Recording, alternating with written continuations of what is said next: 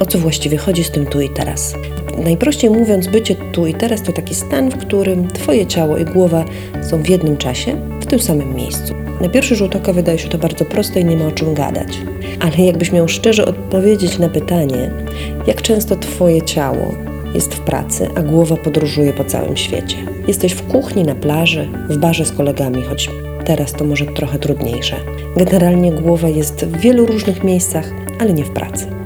Mało tego, często jest tak, że na przykład znany już nam Zdzisław całe dnie zamartwia się tym, że na starość nie będzie miał emerytury, do której swoją drogą może nawet nie dotrwać. A Krystyna zamiast spędzać miły czas ze Zdzisławem, nieustająco myśli o problemach. A co będzie, jak się nie uda? A co będzie, jak tamto będzie? A co będzie, jak będzie tamto albo nie tamto? A przecież, jak mówi napis na kamienicy obok mojego domu autorstwa Loesie, im dłużej czekasz na przyszłość, tym jest ona krótsza.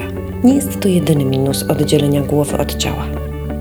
Mózg człowieka jest tak skonstruowany, że nie odróżnia faktu od wyobraźni.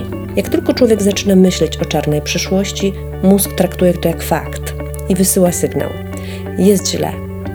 Uruchamiaj wszystkie połączenia hormony i neurony, spinać wszystko i stresować natychmiast. Jak dzieje się to raz, to jest ok. Dwa razy w porządku. Dwa dni, ale 20 lat? No to już jest dosyć ciężko. Im częściej jesteśmy w przyszłości lub w przeszłości, tym więcej mamy lęków i strachów. Jeszcze innym sposobem naszej głowy na utrudnienie nam życia jest coś, co ja nazywam skrolowaniem umysłu, czyli wykonywanie jednej czynności, a w tym samym czasie przerzucanie się z jednej myśli na drugą. A co zrobię później? A co ona powie? A jak rozwiązać tę sprawę? A czy moje nienarodzone jeszcze dziecko będzie lekarzem? Można też wpuścić się w nadmierne analizowanie wszystkiego, zarówno życia wewnętrznego, jak i zewnętrznego. To już jest prawdziwa mordęga, bo co się wymyśli w takim natłoku myśli? Nie darmo stare powiedzenie mówi ranek mądrzejszy od wieczora, bo w nocy jest szansa na to, że naszemu umysłowi choć trochę damy odpocząć. Czy też tak macie, że jak męczy Was okrutnie jakaś sprawa i odłożycie ją na bok na jutro, na pojutrze, na za tydzień, to, że tak powiem, sama się rozwiąże? To dokładnie jest tak, jakbyś stał w mętnej wodzie i co chwila ruszał ręką lub nogą. W takiej sytuacji woda będzie ciągle mętna.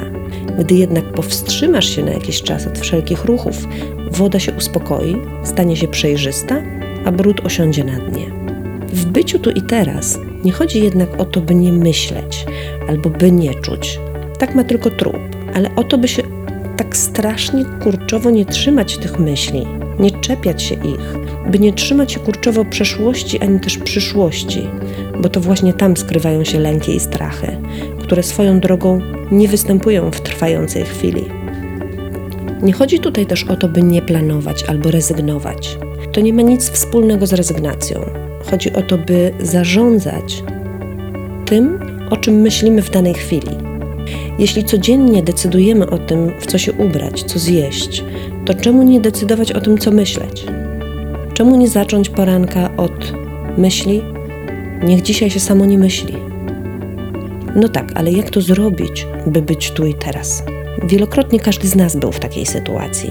Trzeba to sobie tylko przypomnieć, no i rzecz jasna wdrożyć w życie. Pewnie zdarzyło ci się w życiu słuchać swojego współrozmówcy albo czytać jakąś bardzo interesującą książkę i zapomnieć o Bożym świecie. Albo inny przykład. Jesteś na siłowni i chcesz po raz pierwszy poruszyć mięsień podłopatkowy. Żeby to zrobić, trzeba się do niego dostać jakby myślą. Nie da się w tym czasie myśleć o Krystynie, która tuż obok prezentuje swój mięsień pośladkowy wielki. Jeszcze inny przykład z życia. Przypominasz sobie siebie jako początkującego kierowcę, jak pierwszy raz wyjechałeś na miasto? I co? O czym wtedy myślałeś? O pracy? No raczej nie. Wróć do tego odczucia. Skoncentruj się podczas zmywania naczyń czy drogi do sklepu na tym, co cię otacza. Obserwuj, jakie to wywołuje w tobie odczucia, reakcje, myśli. Myśl o tym, co widzisz, a nie o tym, co kiedyś się wydarzyło lub kiedyś się wydarzy. Niech twoja głowa idzie razem z tobą w tym samym czasie. Bądź jak Sherlock Holmes. Skup się na tym, co się dzieje. Zacznij patrzeć i doświadczać świat wokół siebie, jakbyś był tu pierwszy raz. Bądź turystą we własnym świecie. Obserwuj, doświadczaj i nie mądź wody własnego umysłu zbyt często. Ciałko.